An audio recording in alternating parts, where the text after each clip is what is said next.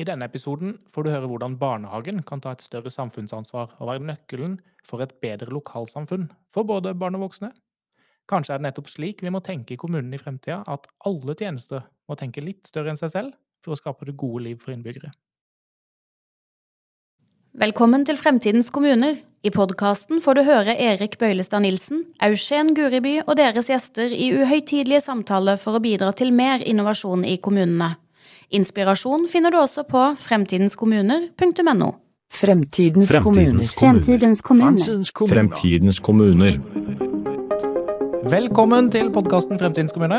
Jeg heter Erik og er konferanseleder og ansatt som byråkrat i Arendal kommune. Jeg heter Eugen, jeg er eh, forskeren. I dag har vi med oss eh, Dina von Heimburg, som er førsteamanuensis ved NTNU og medleder av eh, Nordisk forskningssenter for livskvalitet og sosial bærekraft, Welfare. Og hennes offentlige ph.d. eh, heter 'Det trengs en hel landsby' og handla spennende nok om barnehager som en møteplass og nærdemokratisk arena i lokalsamfunnet. Og eh, den ble gjennomført i samarbeid med Levanger kommune, der Dina har lang erfaring som bl.a. folkehelsekoordinator. Og så har vi også med oss eh, Susanne Vollan Langås, som er eh, musikkpedagog og en av foreldrene i denne barnehagen, som etter hvert ble også medforsker i dette prosjektet her. Ja, Dette er veldig spennende. Jeg gleder meg til dette. Jeg har gleda meg til akkurat denne episoden lenge. Og eh, nå har vi det sånn. Vi har en fast spalte, og det er det eneste faste vi har. Da har vi spurt chatroboten ChatGPT om hva vi bør innlede med. Og den har kommet opp med det første spørsmålet, og det er denne gangen hvordan ville du designet en barnehage for voksne? Vi begynner med Dina. En barnehage for voksne, ja. Ja. Eh, det, altså det som slår meg, det som, en, som vi skal snakke mer om her nå, er jo på en måte at barnehagen er jo et fellesskapspalass. Det er jo et, et, eh, et sted som rommer mangfold, men som òg rommer mangfold på en måte som gir plass til leik, kreativitet, fellesskap, opplevelser. Eh, Så jeg tenker at kanskje trenger vi å skape flere barnehager for voksne. For at vi eh, voksne vi trenger å trene opp disse solidaritetsmusklene våre til å kanskje bry oss et knepp mer om hverandre enn det vi gjør per i dag. Det var litt morsomt akkurat eh, at den chatboten klarte å plukke opp det der. For det er jo nesten på et eller annet nivå som vi skal høre mer om, noe av det dere faktisk har gjort, og snu litt på, på flisa der. Hva tenker du, Susanne? Mhm. Jeg tenker at det absolutt eh, trengs mer leik blant voksne for å skape fellesskap der òg, sånn som ungene driver med i barnehagen. Vi leker oss sammen som en gruppe. Det er en av de viktigste tingene man kan starte med, tror jeg. Ja, det er veldig, veldig sant. Er, jeg tror det. Vi skulle hatt mye mer lek. Vi har en del, men ikke nok. Snakk for deg sjøl. Jeg tror ungene mine hadde satt pris på hvis det var litt mindre lek til tider. Det, det, det trengs en hel landsby, heter jo det her doktorgradsprosjektet. Eh, som jo er et sånt begrep som ofte knyttes til afrikanske kulturer. It takes a village to raise a child. Men det er også en bok av eh, Hillary Clinton faktisk, som heter det. It takes a village. Eh, og den møtte mye motbør, har jeg lest. Eh, og det var en sånn konservativ republikaner da, som eh, skal ha sagt henne at With all due respect, I'm here to tell you it does not take a village to raise a child. It takes a family to raise a child. Ja, og så har jo Det syns jeg for så vidt er et annet klokt utsagn av eh, mor Teresa, som har sagt at problemene i verden er at du tegner sirkelen rundt familien for liten.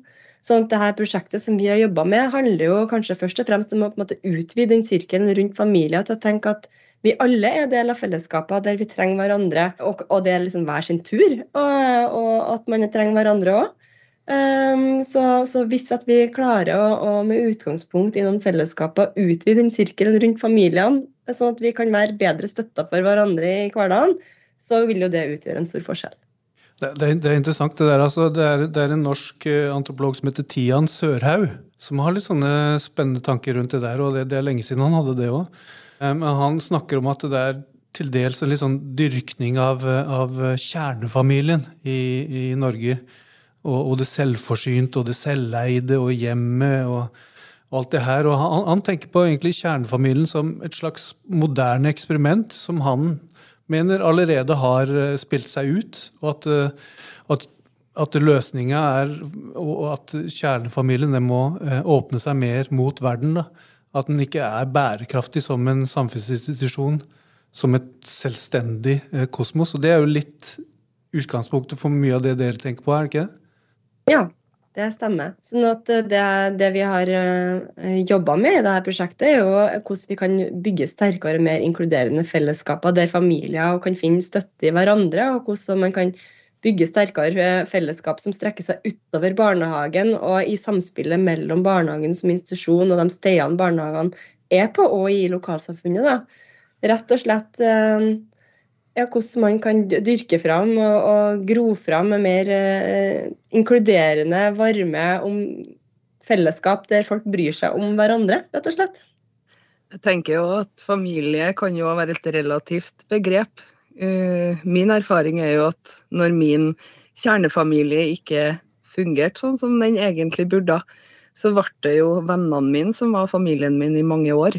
Og det var jo den viktigste arenaen hvor vi i perioder oppdro hverandre. Om det var et pluss eller minus, det er nå en annen sak, men eh, det var nå det jeg hadde. Og da er jo det like viktig å erkjenne det som familie, fordi om det skjer lenger ut i samfunnet enn i hjemmet. Mm, mm. Ja, det, er akkurat det han Søra også egentlig snakker om. At uh, det er de utvida rekkene der, og, og, med moderne familier hvor man har gjerne to familier. Uh, og, og dra veksel på at det også faktisk kan være At vi må snu synet også. At ikke det nødvendigvis bare er en byrde for, for, for barna, men også at det kan være en ressurs å ha faktisk flere personer å spille på. Absolutt. Og så er det jo også sånn at I samfunnet vi har i dag, så er det jo mange som er alene med barn. Og det er klart Å være enslig forsørger, det, er jo, det ene er jo det ansvaret det innebærer, og mye oppfølging og, og, praktisk, behov for praktisk støtte for å få hverdagen til å gå rundt. Men det andre er jo at mange familier, og særlig dem som er eh, enslige forsørgere, strever, altså flere strever med økonomi og strever også med å få hverdagen til å gå rundt rent økonomisk sett. Og i forhold til det med deltakelsesmuligheter, f.eks. Og det med praktisk i forhold til utstyr og osv. Så, videre. så det vi har lurt på i dette prosjektet, òg, er jo hvordan vi kan bygge noen fellesskaper der at man kan gi hverandre ulike former for støtte, både praktisk, emosjonelt, men også som vi har eksempler på i det vi gjorde med de tre barnehagene som deltok i dette prosjektet Eh, når foreldre også kan være med og ta initiativ til å ha byttekvelder, f.eks., der man jo helt praktisk deler på utstyr og arver av hverandre osv. Utover den liksom engere kretsen som man ofte går i, der man eh, på en måte har sine nettverk som består ofte av folk som er lik seg sjøl, så er jo barnehagen en arena der du faktisk har muligheten til å blande sammen eh, familier som har ulik sosial bakgrunn og kan eh, støtte hverandre på nye måter enn det man kanskje gjør ellers. da. Ja, det er, veldig, det er veldig, sant at vi må, vi må, utvide litt. Jeg er litt nysgjerrig, fordi eh, Dina, du er på en måte Vi pleier å invitere en fra kommunen, og så pleier vi å invitere en forsker. Dina er begge deler. Men så er jeg så veldig nysgjerrig på Susanne. Hva, hva har din eh, rolle vært eh, inn i dette? I selve prosjektet så har jeg egentlig fått lov å bare komme inn og vært meg sjøl. Og fortalt om mine livserfaringer og ting jeg har forstått gjennom det jeg har opplevd sjøl. Eh, fått lov å vært med og sagt noen ting om hva jeg ser er viktig. Og Dina har tatt ordene mine på alvor og putta det inn i alt det som hun jobber med. Så um, Dina har stått for uh, alt papirarbeidet, skulle jeg si. Og vært hjernen bak ting, mens jeg har fått lov å hørt på det hun tenker, og fått sagt det jeg ser og forstår. Viktigheten av små ting i hverdagen føler jeg kanskje er de hovedpunktene jeg har vært med og lagt vekt på. Men uh, det må nå Dina få si om hun er enig eller uenig i. hmm. Nei, altså Det har vært helt avgjørende egentlig at vi har jobba litt sånn skulder til skulder. Det her har jo vært et aksjonsforskningsprosjekt, så det betyr at vi har jo gått sammen. altså Både jeg og Susanne, men òg sammen med flere. Både foreldre og ansatte i barnehagene og andre som har vært støttespillere uh, og bidragsytere inn i det her. Eh, men det er klart at eh, jeg så jo tidlig at jeg trengte å jobbe sammen med noen som hadde noen andre livserfaringer enn jeg sjøl hadde. Som hadde kjent på kroppen det å stå utafor, og som hadde kjent på kroppen eh, andre opplevelser enn det jeg kunne på en måte erfaringsbasert bidra med inn i, i det her. Sånn at Susanne har jo tilbudt noen livsinnsikter og noen livserfaringer som har gjort at jeg også som forsker og uh, som en praktiker i kommunen som samtidig har jobba med å skape forandring, har, har, lært utrolig mye og fått nye innsikter, og som også har vært kjempeviktig for at vi har gjort stått skulder til skulder i alt fra analysearbeid til at vi rett og slett har gått ut praktisk og jobba med forandring i og med barnehagene vi har jobba med. da.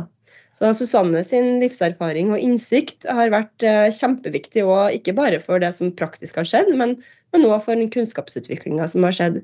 Så det her med liksom eh, Å ta den foreldre eh, og den ja, menneskeinnsikten som levd erfaring bidrar med på alvor i kunnskapsutvikling og i praksisutvikling, har vært en viktig del av dette prosjektet. da.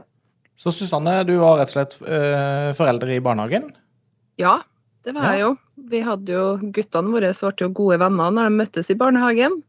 Og Dina prøvde jo mange ganger å invitere meg med på ting, men det var ikke så lett for meg å ta imot invitasjoner. Men uh, det som utgjorde utgjorde den, største forskjellen i relasjonen vår, var at Dina møtte meg med åpne armer og et smil, uansett hvilken dag jeg hadde den dagen jeg møtte på.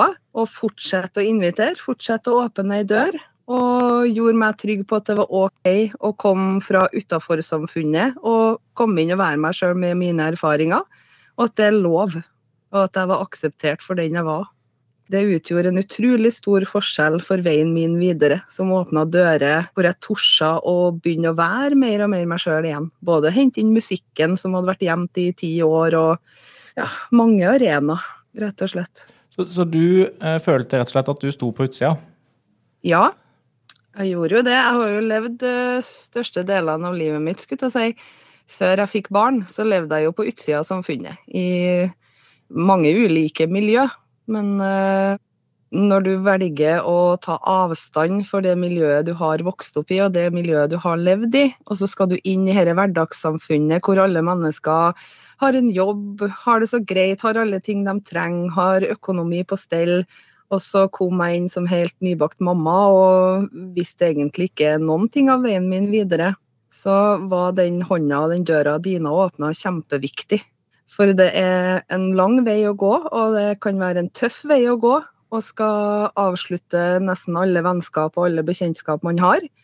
Og så skal du tråkke inn i samfunnet hvor alle har det bra, og så skal du si hei, her er jeg, og jeg har det bra, jeg òg. Og så er det mye som ikke er på plass ennå. Da er det viktig å få lov å være åpen om det. Mm. Og Det var jo en av kanskje inspirasjonskildene til det prosjektet som vi sammen utvikla. var jo nettopp det her eh, som vi erfarte uh, i barnehagen, at barnehagen er et sted der man møter folk som man kanskje ellers ikke ville ha blitt kjent med. Uh, og det at man kan møte hverandre på en sånn måte at man er nysgjerrig på hvilke ressurser er det som bor i folk, det at man kan tilby muligheter og støtte, støtte hverandre som forelder. For i barnehagen så møtes man nettopp som forelder.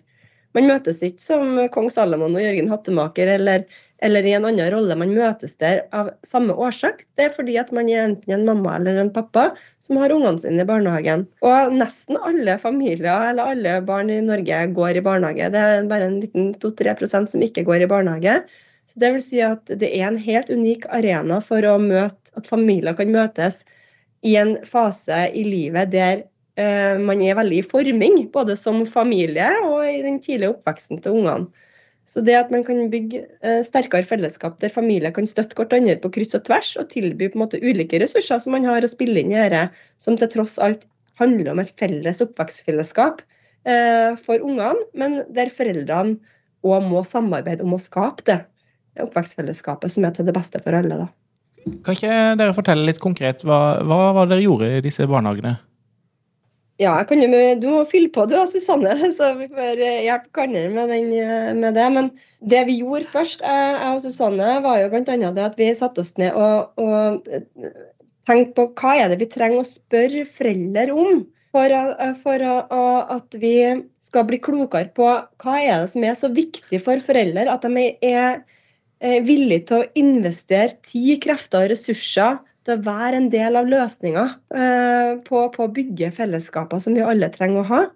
Um, og bakgrunnen var jo det her innsikten rundt at altså, For det første, i Levanger så så vi jo Jeg jobba som folkehelsekoordinator og så at vi hadde store samfunnsfloker som ikke klarte å forstå helt eller løse.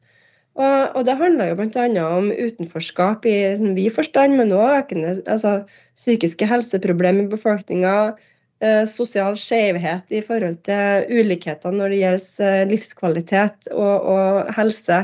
Eh, som, som, ikke visste helt godt nok hvor vi skulle håndtere. Vi, men så, samtidig så hadde vi mye kunnskap om og forskning om at barnehagen er en ekstremt viktig arena for å adressere de her utfordringene. Det var det ene. Og så var det jo den andre innsikten som handla om det her med å fokusere på det styrkene og og, og, ressursene og det helsefremmende, eller på en måte det å fokusere på livskvalitet som et felles mål. Og så var det det tredje elementet som handler om at offentlig sektor kan utforske samskaping som tilnærming til å løse velferdsutfordringene og samfunnsoppdraget sitt bedre. Eh, så eh, med utgangspunkt i det så begynte vi å snakke med foreldre. Og intervjua til sammen ti foreldre i tre forskjellige barnehager om hva, hva er viktig for dem? Hvilke verdier er det de eh, ønsker å investere tid og krefter i når det gjelder det å uh, være en del av løsningen for å skape oppvekstmiljø der vi rett og slett utvider sirkelen rundt familiene og bygger fellesskaper som det er, eh, er godt å være i for alle, nettopp for at det trengs en hel landsby for å skape de oppvekstbetingelsene unger trenger. Så intervjua vi òg ansatte i barnehagene. Da var det òg en sånn både for blant foreldre og de ansatte så var vi nysgjerrig på mangfoldet. Så vi intervjua eh, både foreldre med all slags mulige bakgrunner. Det var foreldre som sto utafor arbeidsliv, det var foreldre som hadde bodd lenge i Levanger og hadde sterkt nettverk, det var foreldre som var nyinnflytta og ikke kjente noen. Eh, og vi var opptatt av å liksom lytte ut hva er viktig for dem som familier, for at de skal ha det bra og leve godt og delta i samfunnet i Levanger. Og så intervjua vi eh, ansatte Eh, og da var det et mangfold. Det var styrere, det var pedledere, det var assistenter. Det, vi var nysgjerrige på hva er det de tenker rundt det her. Mm, og så hadde vi en serie med, med refleksjonsøkter der vi satt ansatte og, og, familiene sammen, der vi reflekterte rundt det her med um, brukte reflekterende team, sånn at, um, sånn at de ansatte lytta til familiene, og det vi hadde sett av mønster i det vi hadde intervjua dem om, Eh, med framtidsdrømmene deres om hva er det egentlig som er så viktig for dem at de har lyst til å være en del av løsninga sjøl. Hvilke oppvekstmiljø er de ønsker å være med på å skape. Eh, og så, eh, ettersom vi òg jobber med aksjonsforskning, så tok de jo tak i de tingene som de så at de ville endre på. De diskuterte jo da mellom foreldre og de ansatte hva er det vi ser at vi kan forandre på, hva er det vi skal fortsette å gjøre som er bra, hva er det vi må slutte å gjøre som ikke virker, eller kanskje virker mot sin hensikt. Og hva er det vi skal ta vare på som, eh, og, og, og, og, det her. Og hva vi må slutte å gjøre. Og En av de tingene som de sa at det her, det her må vi slutte å gjøre, det er å kjøre foreldremøte på den tradisjonelle måten. Som et informasjonsmøte. De ønsker å forandre på det og liksom lage det som en arena for, for hvordan foreldre kan komme sammen og, og utvikle fellesskaper der man støtter hverandre som familier. Så det var den ene tingen de gjorde. Og det var også mange andre grep de tok, bl.a. det å revidere eh, mandatet til foreldreutvalgene i barnehagen fra å være nesten fungere som en form for klageinstans. Eh, til at eh, foreldreutvalgene var mye mer sånn proaktive og tok initiativ og tok, ja, gjennomførte sånn type byttekvelder sånn som vi snakka om i sted osv. Eh, og det at barnehagene utvida seg på en måte til å være mer åpen. Det var som fungerte nesten som en slags park etter åpningstid. Familiene kunne komme dit. Eh, de fikk også låne barnehagelokalene gratis til å arrangere felles kveldsmater og sånn, eller at man bare rett og slett kunne møtes på uteområdet og grille pølse og på en måte ha en arena for fellesskap som en møteplass i lokalsamfunnet, nesten som en slags park. Så det var en rekke sånne ting som skjedde. Og så i, i tillegg så ble også barnehagene åpna som en, en, praksisarena for foreldre som sto utenfor arbeidsliv. Um, som mødre som bodde på asylmottak, som fikk komme og jobbe i barnehagen og fikk praksiserfaring og da språktrening osv. Når man, man får muligheten til å være en bidragsyter og, og, og, og ha en betydning da, for, som var viktig ikke bare for unger, men også for de ansatte og for andre foreldre. Så det, var en lang liste av ting som mm. skjedde, så vi skal jo skal ikke gå gjennom alt nå, men eh, en, kanskje en sånn viktig ting òg var jo at uh, den, det vi gjorde, var at vi kobla denne prosessen mot å revidere kommuneplanens samfunnsdel. Sånn at den inputen, eller det foreldrene utvikla og det var opptatt av og tok initiativ til og gjennomførte, mm, så hadde vi òg dialog med politikere og ledere på tvers av sektorer i kommunen for å si noe om at Eh, sånn at vi kunne lære av det vi gjorde, og bringe det opp til samfunnsplanlegginga, opp på et politisk nivå, i forhold til måte, hvilke målsettinger er det vi skal ha som kommunesamfunn, og hvordan er det kommunene kan legge til rette for å styrke sånne type inkluderende fellesskap som vi søkte å utvikle. Da. Så vi rett og slett flytta demokratiet inn i barnehagen, og foreldrestemmen ut av barnehagen og inn i den kommunale planlegginga. Var, var, det noen spesielle fanesaker du eh, hadde der, Susanne? Hva mener du med det? Nei, altså Var det noe spesielt du var opptatt av at uh, dette må vi få til? Ja, det var det jo. Uh, men det handler jo mye om det Dina har prata om. da. Den sosiale delen av å være forelder i barnehage og faktisk bygge et samhold i de voksne òg, sånn som det er blant ungene. Men uh, jeg vil heller fremheve den, de sterkeste opplevelsene mine gjennom prosjektet her, var det som Adina snakka om, reflekterende team det syns jeg var helt fantastisk å få lov å være med på. Og ha en stemme blant uh, alle. At jeg fikk faktisk lov å delta og prate sammen med Dina. Være med å ha det reflekterende teamet. Og at det ble brakt inn både foreldre og barnehageansatte og politikere. Og at det blir satt opp en arena da, hvor politikerne må sitte stille og lytte til det som blir sagt. For det var veldig mange ganger det var en pekefinger i været mens foreldre eller ansatte i barnehagen prata. Men så lenge de satt bakerst i den rekka, så fikk de ikke lov å si noen ting eller kommentere noen ting før det var deres tur. Og det tror jeg var veldig god følelse for mange av foreldrene som satt der òg. Og faktisk få lov å prate ferdig, få lov å si det de ser er viktig med sine ord på sin måte. Og så går de direkte inn i ørene på dem som faktisk kan ha et ord med i laget på hva som skal skje etterpå, litt lenger opp. Det syns jeg var kjempeviktig, og det er en stor opplevelse for min del å bare få lov å være en del av. Mm. I tillegg så var jeg jo med til Danmark, men nå husker ikke jeg navnet på den konferansen. Dina.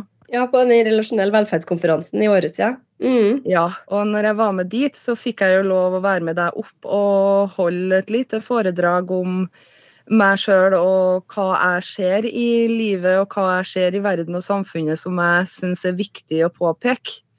Og det for meg å få lov å få en stemme gjennom her, tror jeg det er mange foreldre som òg kjent på samme følelsen. Mm. Å få lov å si noen ting om hva vi hverdagsmennesker syns er viktig òg, da. Jeg vet ikke hva jeg skal kalle det. Men man sitter jo på bar bakke, og så kan du jo si dine meninger, men det er veldig sjelden du når fram til noen som sitter på et kontor og faktisk skal bestemme. Altså no, Noe av det som er så spennende med dette prosjektet, her er jo også det at dere har tatt en helt vanlig, etablert eh, offentlig institusjon, barnehagen, og som vi har helt sånn klare forventninger om. Det er en tjeneste, vi skal, komme, vi skal levere ungene, og så skal vi komme og hente dem på et gitt tidspunkt, og så har vi noen forventninger til hva som skal skje der, og så er det egentlig ikke så veldig mye mer enn det. Og så har dere sett potensialet i at uh, kan vi, dette kan vi jo gjøre veldig mye mer ut av. Eh, altså At det lå på en måte et sånt utappa potensial i hele, hele institusjonen.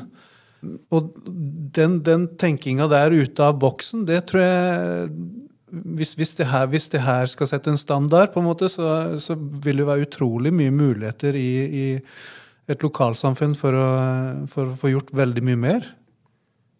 Ja, og det var jo det som vi først og fremst eh, utforska i dette prosjektet. er jo nettopp det her potensialet. Det å, det å, det å på en måte ta tak i en slags eh, framtidsvisjon om hvilket samfunn er det vi ønsker å skape, både for oss og for ungene våre, og, og for de fellesskapene vi ønsker å være en del av. Og se rett og slett hva er det vi kan gjøre, hva er det som er mulig, hvis vi på en måte liksom sprenger den her tradisjonelle boksen, at vi, vi, beveger oss innenfor og de tradisjonelle rollene vi bekler.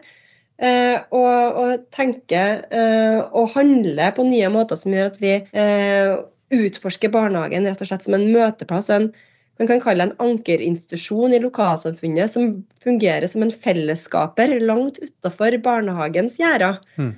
For det vi så òg potensialet i, sant, med, med, den største endringa kanskje handler om mindset. Det at man tenker om hvilke verdier er det som står på spill? Hvem er det som kan bidra til å skape dem, og hvordan kan vi jobbe sammen for å få det til å skje? Og når, at, når vi begynte å snakke annerledes om de her tingene, og barnehagene altså med foreldrene og de ansatte og aktører som sto rundt, det var frivillige lag og organisasjoner, det kunne være nærbutikken, sykehjem, og andre som er viktige aktører på et sted som òg kan potensielt være med på å bygge fellesskap. Og at man begynner å skape forbindelser mellom de her aktørene og mobilisere samarbeid på tvers, så, så skjer det ting.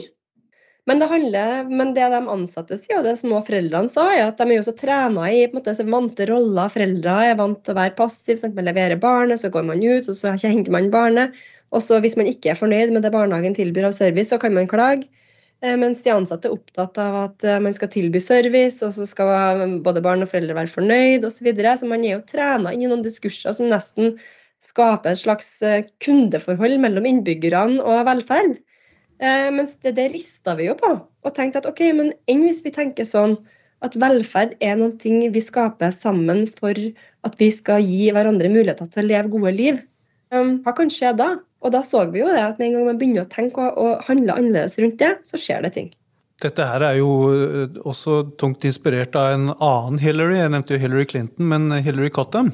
Og dette ja. med relasjonell velferd. Eh, og det, det, hun sier i et, et, Hva skal jeg si, hvis jeg skal oppsummere det veldig kort, så snakker hun om at vi må endre oss fra at eh, det offentlige er noe som driver og deler ut plaster, til å, til, å, til å, være noe som hjelper folk å utvikle sine, sine kapasiteter og ressurser. Da. og i det så er, er, relasjonene det viktigste, på en måte. Mm. Og, det, og det, er jo eh, interessant her da, at eh, vi snakker om barnehage hele tida, og likevel så er det på en måte bare foreldrene som eh, vi snakker om. Og Susanne, hvordan reagerer egentlig foreldregruppa på dette i barnehagene? På de omgjøringene som vi kom med, mener du? Ja. Det er sånn som Min erfaring var at aller fleste er veldig positive til det. Eh, folk vil egentlig gjerne bry seg om hverandre, men vet ikke helt hvordan vi skal gjøre det. For vi er så vant med å gå liksom, i vår egen sone og vår egen boble. Men bevisstgjøring som bitte små enkelte ting. da. Smil til hverandre når man henter og leverer ungene. Si hei til andre foreldre. Og vær åpen for at noen foreldre har det tøffere enn andre men et smil kan være så viktig likevel. Og noen få erkjennende ord, det kan ha veldig mye å si. For min del, når jeg kom og leverte min sønn i barnehagen, og vi hadde hatt noen tøffe morgener, så var han ferdig påkledd og ordna og klar til barnehagen, men jeg kom i joggebukse og bustete hår fordi jeg hadde ikke hatt tid til meg sjøl. Men hvor mye det betydde å få den klemmen av Dina likevel når jeg kom inn døra, det er ubeskrivelig. Fordi det når inn, det når inn til en plass i oss mennesker som, som, ja, som berører noen ting i oss. da. Det når liksom inn til hjertet og følelsene i stedet. Fordi du blir godtatt for den du er. Og det å bare få lov å komme og være seg sjøl uansett hvilken arena du er på, tenker jeg kan ha stor, et stort potensial generelt i samfunnet. At vi aksepterer hverandre for nøyaktig dem vi er. OK, jeg ser det, jeg hører det, jeg forstår det. Og jeg er her, og døra mi er åpen. Det skal egentlig ikke så mye mer til. Ja, Innovasjonskonferansen Fremtidens kommuner handler jo egentlig om akkurat dette i år. og uh, Vi har invitert dere, dessverre så, så uh, fikk vi ikke det til i år. Men, men, det som slår meg som er interessant som fra kommunens perspektiv, er jo uh, Vi har en del andre poster på programmet som går på egentlig det samme. Og det går på dette utvida samfunnsoppdraget som du snakker om, Dina. Mm. Fordi det er mange som kan ta den rollen. Skolen kan ta den, sykehjemmet kan ta den, barnehage kan ta den. Det er veldig mange av de offentlige tjenestene som egentlig kunne tatt en større andel av dette samfunnsoppdraget. Har du gjort deg noen refleksjoner rundt det? Ja, altså det er både at um, altså helt konkret og at vi erfarte det gjennom aksjonsforskninga. òg. at når vi rister på den tradisjonelle forståelsen av hva som er samfunnsoppdraget, så, så i hvert fall Vår erfaring var at både foreldre og de ansatte når man ble bevisstgjort på hvor viktig man egentlig er i samspill med hverandre for å, for å skape et oppvekstmiljø som ikke bare er bra for ungene, men når man erkjenner at hvis at unger skal ha det bra, både hver for seg og som fellesskap, så er de avhengig av at vi voksne har det bra. Eh, både hver for oss og som fellesskap. Sant? Og det her med at ting henger sammen. eh, og at eh, vi alle kan spille viktige roller i hverandres liv. Og når at man anerkjenner det her med at relasjoner er det aller aller viktigste for at folk skal ha god livskvalitet, og det at man må bygge sterkere støtte, støtte rundt familier, og særlig de familiene som kanskje har svake nettverk og som strever med ekstra belastning i livene sine på ulike måter, så er det jo gjennom den erkjennelsen at vi er, altså, vi er viktige for hverandre. for det er klart at Hvis at noen unger eller familier faller utafor, så gjør sjansen større også for at mitt og ditt barn blir utsatt for mobbing eller kriminalitet sant? eller andre sosiale mekanismer som oppstår når folk ikke får lov til å være en del av fellesskapene. Så med denne eh, si, erkjennelsen av den gjensidige avhengigheten vi har av hverandre, så utvikla vi gjennom prosjektet òg denne viljen til å være en del av løsninga, nettopp fordi at man ser at det er ikke bare viktig for andre, det er også viktig for meg og mitt barn at jeg investerer tid og krefter i å bygge disse fellesskapene der vi rommer hverandre og støtter hverandre. Så, mm. ja, hvis jeg kan si noe. Jeg tror det var òg utrolig viktig for de foreldrene som var med i det prosjektet her, at de faktisk vet at Der er vi kanskje litt som ungene, da. OK, nå vet vi at noen hører oss. Sånn at når vi sier det her og gjør det her, så blir det sett og det blir hørt. Og det føres videre. Da blir òg engasjementet mye, mye større for å delta i det. Fordi det blir et felles, felles, felles prosjekt på både topp og bunn. Og det mm. tror jeg hadde en stor effekt på driven som foreldrene fikk av dette her sjøl, og barnehageansatte. Og jeg opplevde at jeg så det påvirka dem som jobber i den politiske delen òg. Mm. Ja, det er veldig veldig interessant. og Jeg må bare si tusen takk for at dere ville være med i dag. Det har vært uh, kjempespennende. Det ligger noe i dette mulighetsrommet som uh, vi hver uh, som enkeltindivider har, og selvfølgelig da som, som kommunen har. Det er et stort, stort spillerom som fortsatt er uoppdaga, tror jeg, mye av det. Så uh, vi får uh, fortsette å grave, fortsette å innovere, og så, uh, og så må jeg si tusen takk for i dag. Håper vi ser deg på innovasjonskonferansen Fremtidens kommuner i Arendal i juni. Hvis du liker podkasten vår, setter vi stor pris på om du abonnerer og gir oss en tilbakemelding i avspilleren. Har du forslag til gjester vi kan invitere? Send oss en e-post til post krøllalfa fremtidenskommuner.no. Fremtidens, Fremtidens kommuner. Fremtidens kommuner. Fremtidens kommuner. Denne podkasten er et samarbeid mellom INNOF, Nasjonalt forskernettverk for innovasjon i offentlig sektor, Senter for praksisnær forskning og samskaping i NORSE og innovasjonskonferansen Fremtidens kommuner.